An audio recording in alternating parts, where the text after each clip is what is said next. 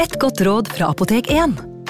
Nå er snart pollensesongen i gang, og et godt råd til deg som sliter med pollenallergi, er å begynne behandlingen i god tid før allergisesongen starter.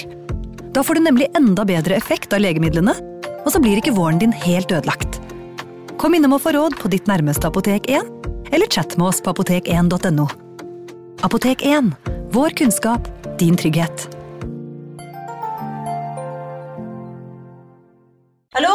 Jeg kommer fra Oslo politikammer. Ine Jansen er purk. Er du purk? The motherfucking bitch. Alt jeg vil, er å finne ut hva som skjedde med mannen min. Jon Carew. Er jeg sikta for noe? Iben Akeli. Det er du. Ole So, Lars Berrum og Big Daddy Karsten. Hvem sin side er du på, egentlig? Anette Hoff, Tone Danielsen, Kommer du fra Afrika? Jørnis Josef, Nesten. Kløfta. Trond Espen Seim, Det er synd å si det, men det var feil mann som døde. Purk. Premiere tirsdag på TV2 Play. Ungsamtalen fra DNB er økonomisk veiledning tilpasset deg som er ung. Bokk en ungsamtale på dnb.no. slash ung. Det er kjempebra hvis du skal inn på boligmarkedet, hvis det er drømmen din, liksom. Det er det du skulle sagt. Og så kunne du ropt litt mer, da, sånn som jeg gjorde. Bam! Advarsel. Denne podkasten inneholder skildringer av ekte drap og kriminalsaker som kan være støtende for enkelte. Det advares også mot sterke inntrykk i deler av episoden.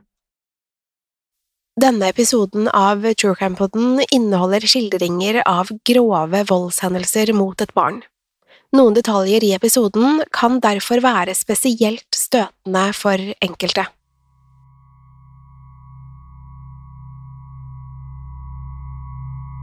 Den lille landsbyen Alton i Hampshire, England, hadde alltid vært et fredelig sted. Så fredelig at ingen riktig kunne huske at det noen gang hadde foregått alvorlig kriminalitet der noen gang. Barna lekte fritt i gatene og på de store engene utenfor landsbyen, uten at noen var redde for at noe farlig skulle skje. Når alt kom til alt, var Alton et så lite samfunn at alle kjente hverandre. På midten av 1800-tallet kunne man ikke engang gå ut av døren uten å treffe på noen man kjente. Folk smilte vennlig til hverandre i gatene, hos bakeren og slakteren, og spurte hvordan det sto til. Som regel kunne de meddele at alt var som det skulle. Hva hadde vel de å klage på, som bodde på en så idyllisk plass?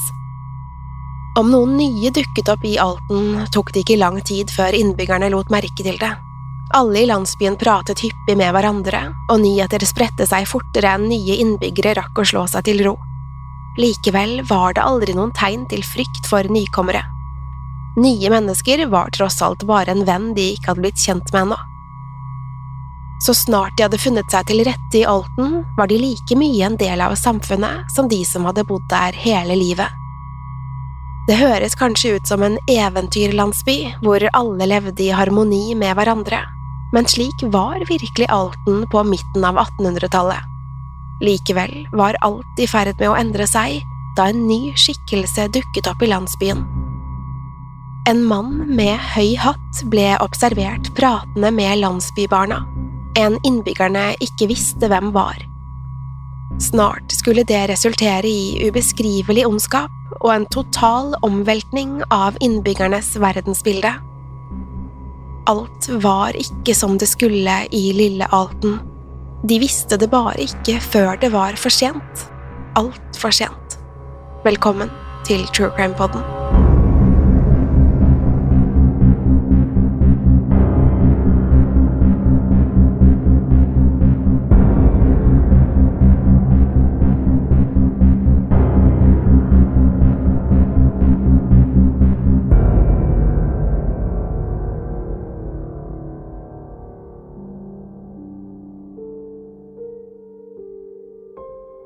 Lørdag 24. august 1867 var en vakker, solfylt dag. Hjemme hos familien Adams sto Harriet alene på kjøkkenet og forberedte middag. Det var endelig blitt stille hjemme, slik at Harriet kunne få unna litt husarbeid. Hennes yngste datter Lilly på ett sov søtt i krybben sin, mens syv år gamle Lizzie og åtte år gamle Fanny var ute og lekte med venninnen Minnie. Harriet tørket svetten av pannen mens hun kikket ut av vinduet. Hun hadde bedt døtrene om å komme hjem til middag, så de burde være der snart. Likevel tikket klokken mot middagstider, og det var fremdeles ingen tegn til Fanny og Lizzie. Harriet regnet med at de bare hadde glemt tiden, og lurte på om hun burde gå ut og finne dem, men før hun rakk å gjøre noe som helst, hamret det på døren. Harriet gikk for å åpne og ble møtt av det bekymrede ansiktsuttrykket til nabokonen Jane Gardner. Hun var vill i blikket og slet med å få igjen pusten. Likevel fikk hun frem at noe hadde skjedd med Fanny. Harriet prøvde å roe Jane ned og ba henne ta det hele fra begynnelsen. Da kunne Jane fortelle at hun nettopp hadde møtt på Lizzie og Minnie, og Fanny var ikke sammen med dem. Ifølge de to jentene var hun blitt bortført.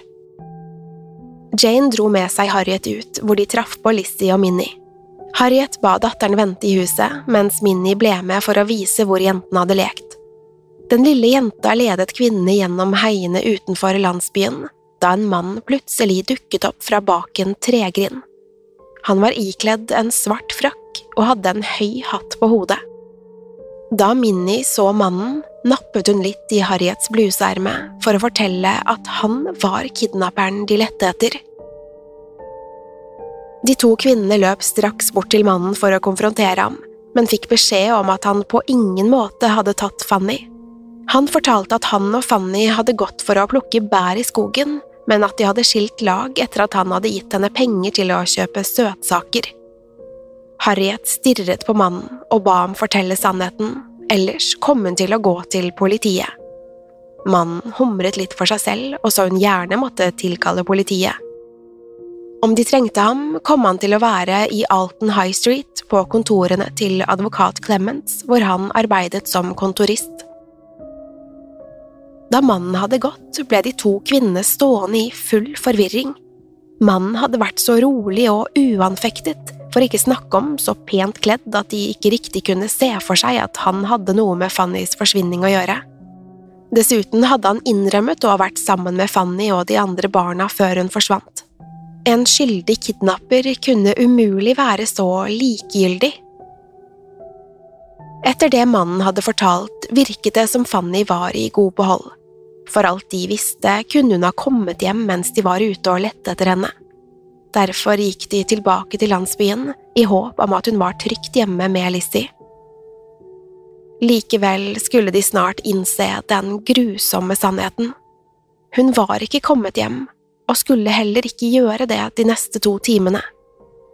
Solen var i ferd med å synke ned i horisonten, og det var ingen tegn til åtteåringen noe sted. Harriet visste ikke riktig hva hun skulle gjøre. Ektemannen hennes George var ute og spilte cricket og ville ikke være hjemme på noen timer ennå. Derfor bestemte hun seg for å ta opp jakten på datteren på egen hånd. Hun samlet sammen flere bekymrede naboer og satte ut i skogen for å finne Fanny. Etter det som føltes som en evighet for Harriet, skulle endelig noe dukke opp. En av familiens naboer, Thomas Gates, snublet plutselig over et lite stykke tøy. Han plukket opp, men slapp raskt taket da han innså at tøystykket var skittent og klissete. I det duse kveldslyset var det vanskelig å si hva det var dekket i, men Gates fryktet det verste. Nervøs skrittet han inn på et humlejorde like ved siden av der han hadde funnet tøystykket, men ble snart stående i skrekkslagen forferdelse. Et mørkerødt blodspor ledet gjennom de tykke avlingene frem til to høye påler som humleplantene kunne vokse oppover. Gates fulgte blodsporet oppover pålene, og med ett gikk det kaldt nedover ryggen hans. På toppen av de to stolpene hvilte lille Fanny Adams' avhogde hode.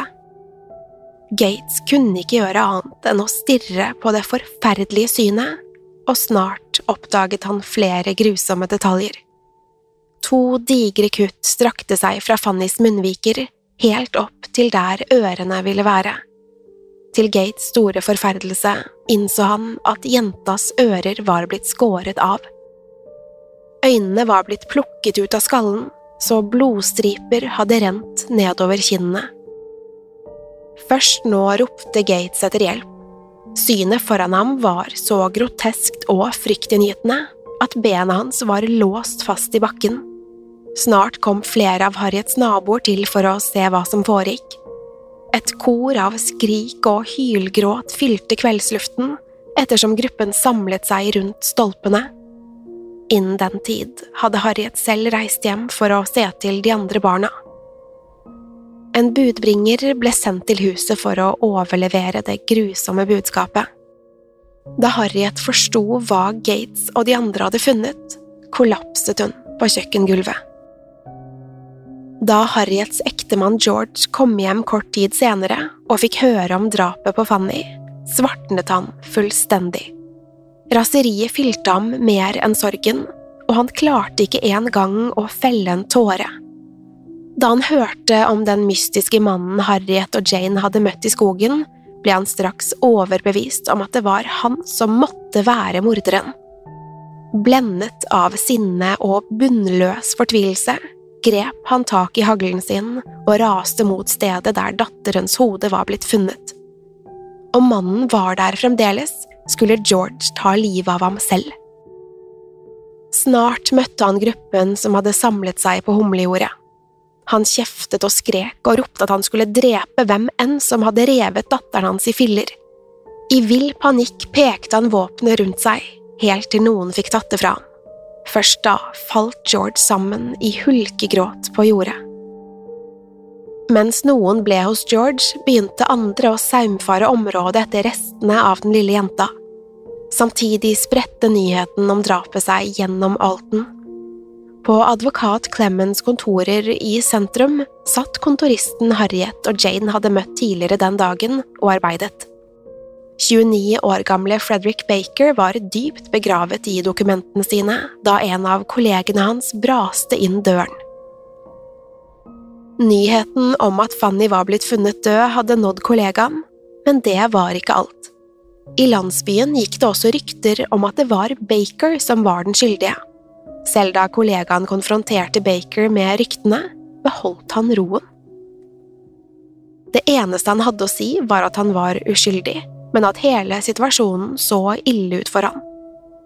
Han var tross alt den siste som så Fanny i live. Likevel nektet han å melde seg for politiet. Om de ville prate med ham, fikk de oppsøke ham selv. Som på kommando hamret det på døren, og Altons politimester William Cheney braste inn. Cheney arresterte Baker på stedet, og kontoristen ble villig med, men understreket at han ikke hadde hatt noe med drapet å gjøre. Allerede hadde det samlet seg et oppbud i Altens gater. Folk fra hele det lille samfunnet hadde møtt opp for å se Frederick Bakers marsj gjennom byen. De ropte skjellsord og kastet sten etter ham, der han ble ført fra kontorene sine til politistasjonen. Det var ikke gått mer enn noen timer siden Fannys hode ble funnet, men allerede hadde Altens befolkning bestemt seg for at Baker var skyldig. Så snart Baker var på plass i avhørsrommet, begynte politibetjenter å kroppsvisitere ham, og det skulle ikke ta lang tid før en rekke fellende beviser ble funnet. På Bakers person ble det funnet en kniv med blod på håndtaket. Kontoristens bukser var fuktige og møkkete, og det var små dråper av blod på skjorteermene hans. Likevel fortsatte han å nekte for å ha noe med Fannys drap å gjøre. Politimester Shaney stilte et par spørsmål, men innså snart at han ikke kom til å få noe ut av Baker. Dermed ble han satt i en celle, mens etterforskningen fortsatte. Samtidig som Baker ble avhørt på politistasjonen, pågikk søket etter resten av Fanny Adams lik i utkanten av landsbyen. Letingen fortsatte gjennom natten, og litt etter litt skulle den lille jentas kropp bli funnet. Fannys utskårne øyne ble funnet i en elv. Hennes venstre fot lå i en kløvereng. Det var tydelig at Fannys kropp var blitt dissekert av morderen. Snart dukket nemlig innvollene hennes opp, bit for bit. Lungene var gjemt under en hekk, og hjertet ble funnet på et jorde. En bit av Fannys skalpe satt klistret til en sten. Etter hvert som mer av jentas lik ble funnet, ble levningene plassert i en trekiste. Søndag morgen ble kisten levert til politistasjonen, hvor det skulle undersøkes hva som faktisk hadde skjedd med Fanny Adams. Det var en grusom oppgave for politiet. Kroppsdelene måtte settes sammen på nytt så de kunne finne ut om noe fremdeles manglet.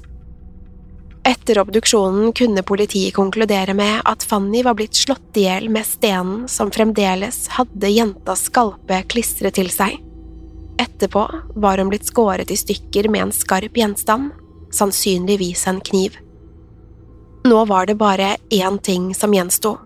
Selv om alle var sikre på at liket på politiets spor var lille Fanny Adams, var de nødt til å foreta en identifikasjon. Etterforskningen kunne ikke fortsette før en av Fannys nærmeste hadde identifisert henne.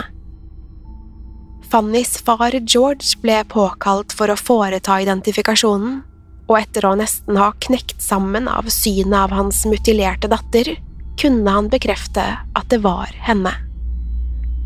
Dermed kunne politiet offisielt sikte Frederick Baker for drap. Mandag 26. august gjennomsøkte politiet Bakers kontor og oppdaget en liten dagbok i den var det skrevet et notat fra kvelden Fanny ble drept. I notatet sto det 24. august drepte en liten jente. Det var godt og varmt. Da politiet ville vite om Baker var klar til å tilstå, bare ristet han på hodet. Ifølge Baker var notatet skrevet i beruset tilstand. Det han hadde ment å skrive, var at en liten jente var blitt drept, ikke at han selv hadde drept henne. I og med at Baker nektet å innrømme noe som helst, bestemte politiet seg for å ta det hele fra begynnelsen. De ville vite hva Baker mente hadde skjedd den ettermiddagen Fanny ble drept. Baker kunne fortelle at han hadde tatt en spasertur i lunsjen den dagen og vandret inn i de gresskledde områdene utenfor landsbyen. Han hadde snublet over Fanny, Lizzie og Minnie i skogkanten, og de hadde kommet i prat. Etter hvert hadde Baker tilbudt jentene penger som de kunne bruke på søtsaker. I tillegg kunne Baker fortelle at han hadde plukket bjørnebær til jentene. Han fulgte med på dem mens de lekte og spiste i de store kløverengene. Ifølge Baker hadde han stått slik og sett på jentene i nærmere en time, før barna hadde bestemt seg for å dra hjem. Like før jentene gikk, hadde han gått bort til Fanny og spurt om hun ville bli med å plukke flere bær. Derfra skulle Bakers historie avvike fra Lizzie og Minnies. De to jentene hadde sagt at Fanny ikke ville bli med Baker, og at det var på det tidspunktet kontoristen hadde plukket henne opp og forsvunnet inn i skogen. Baker selv påsto at Fanny hadde blitt med ham frivillig, at de hadde plukket bær sammen, og at de hadde gått hvert til sitt etterpå. Til tross for de ulike historiene var ikke politiet og befolkningen i tvil om hvilken de trodde mest på.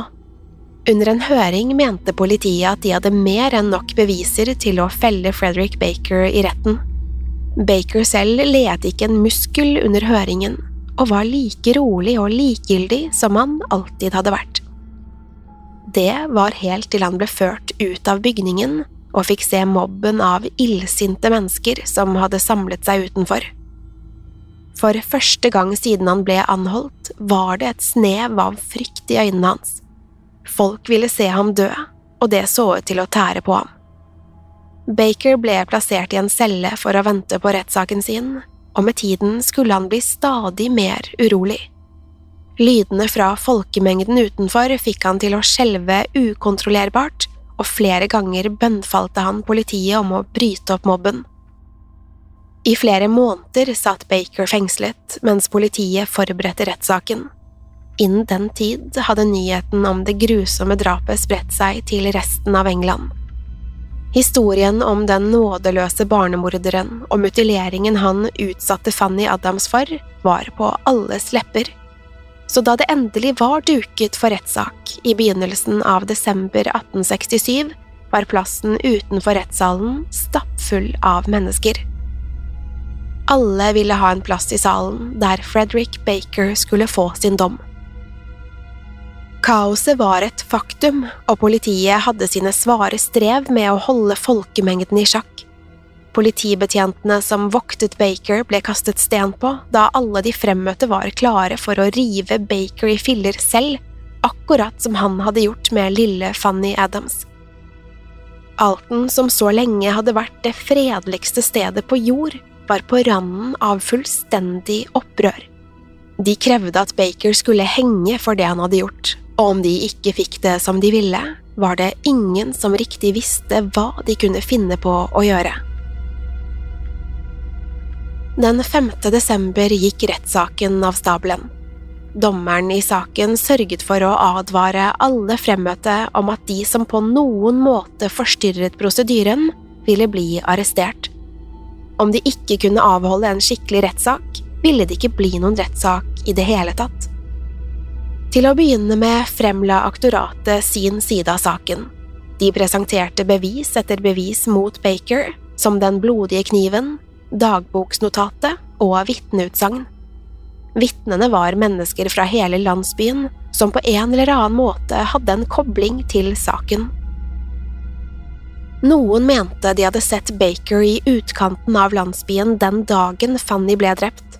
Andre påsto å ha hørt en jente jente gråte i skogen. Aktoratets viktigste vitner var likevel Lizzie og Minnie. De to jentene var nervøse og redde foran folkemengden, men fikk frem hva de mente hadde skjedd den ettermiddagen i august. Et annet barn skulle også bli viktig for aktoratet. En liten gutt hadde nemlig stått frem og fortalt at han hadde sett Baker i elven den ettermiddagen hvor han vasket blod av klærne sine. Etter at aktoratets vitner hadde sagt sitt, trakk retten seg tilbake for å tenke.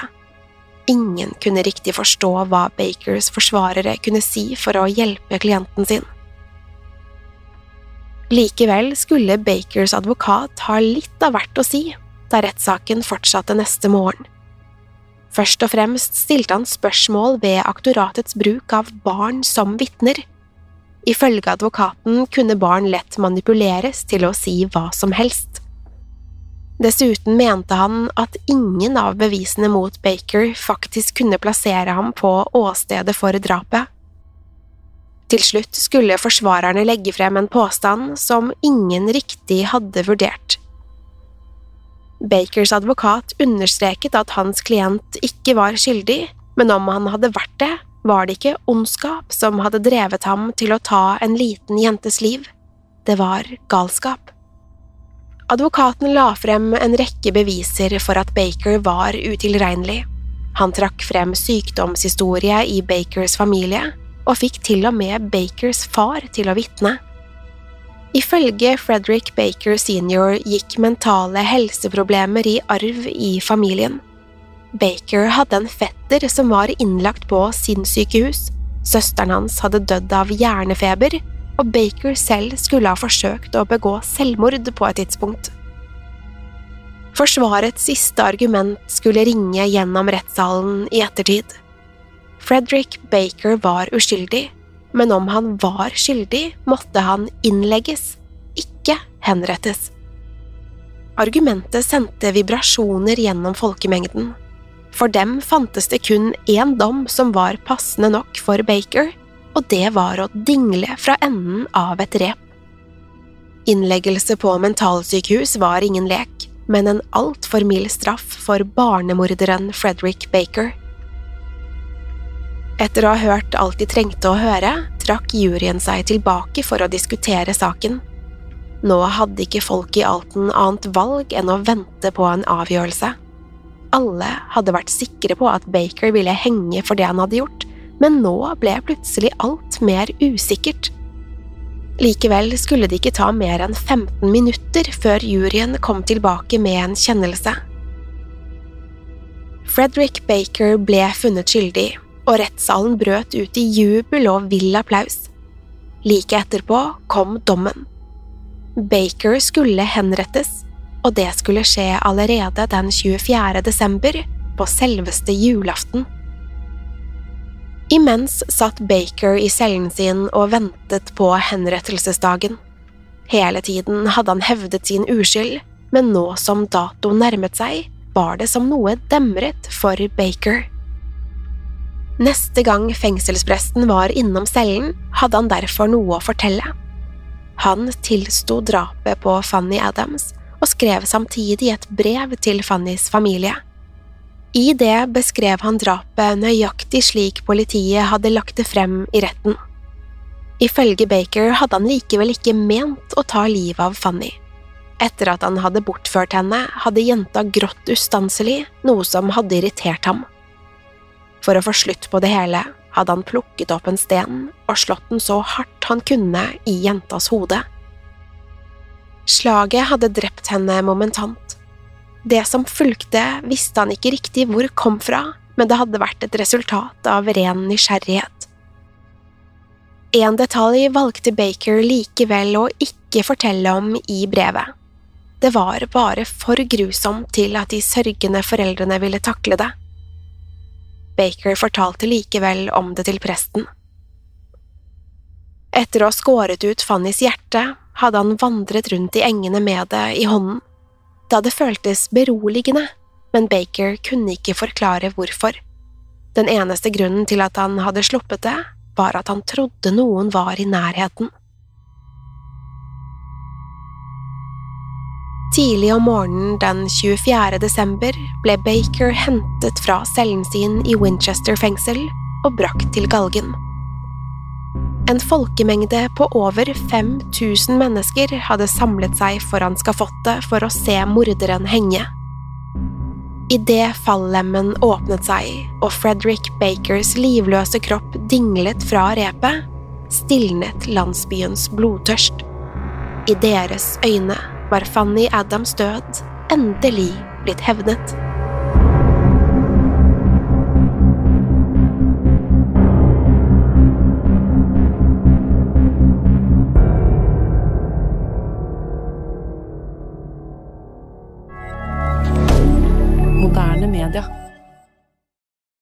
Har du et enkeltpersonforetak eller en liten bedrift?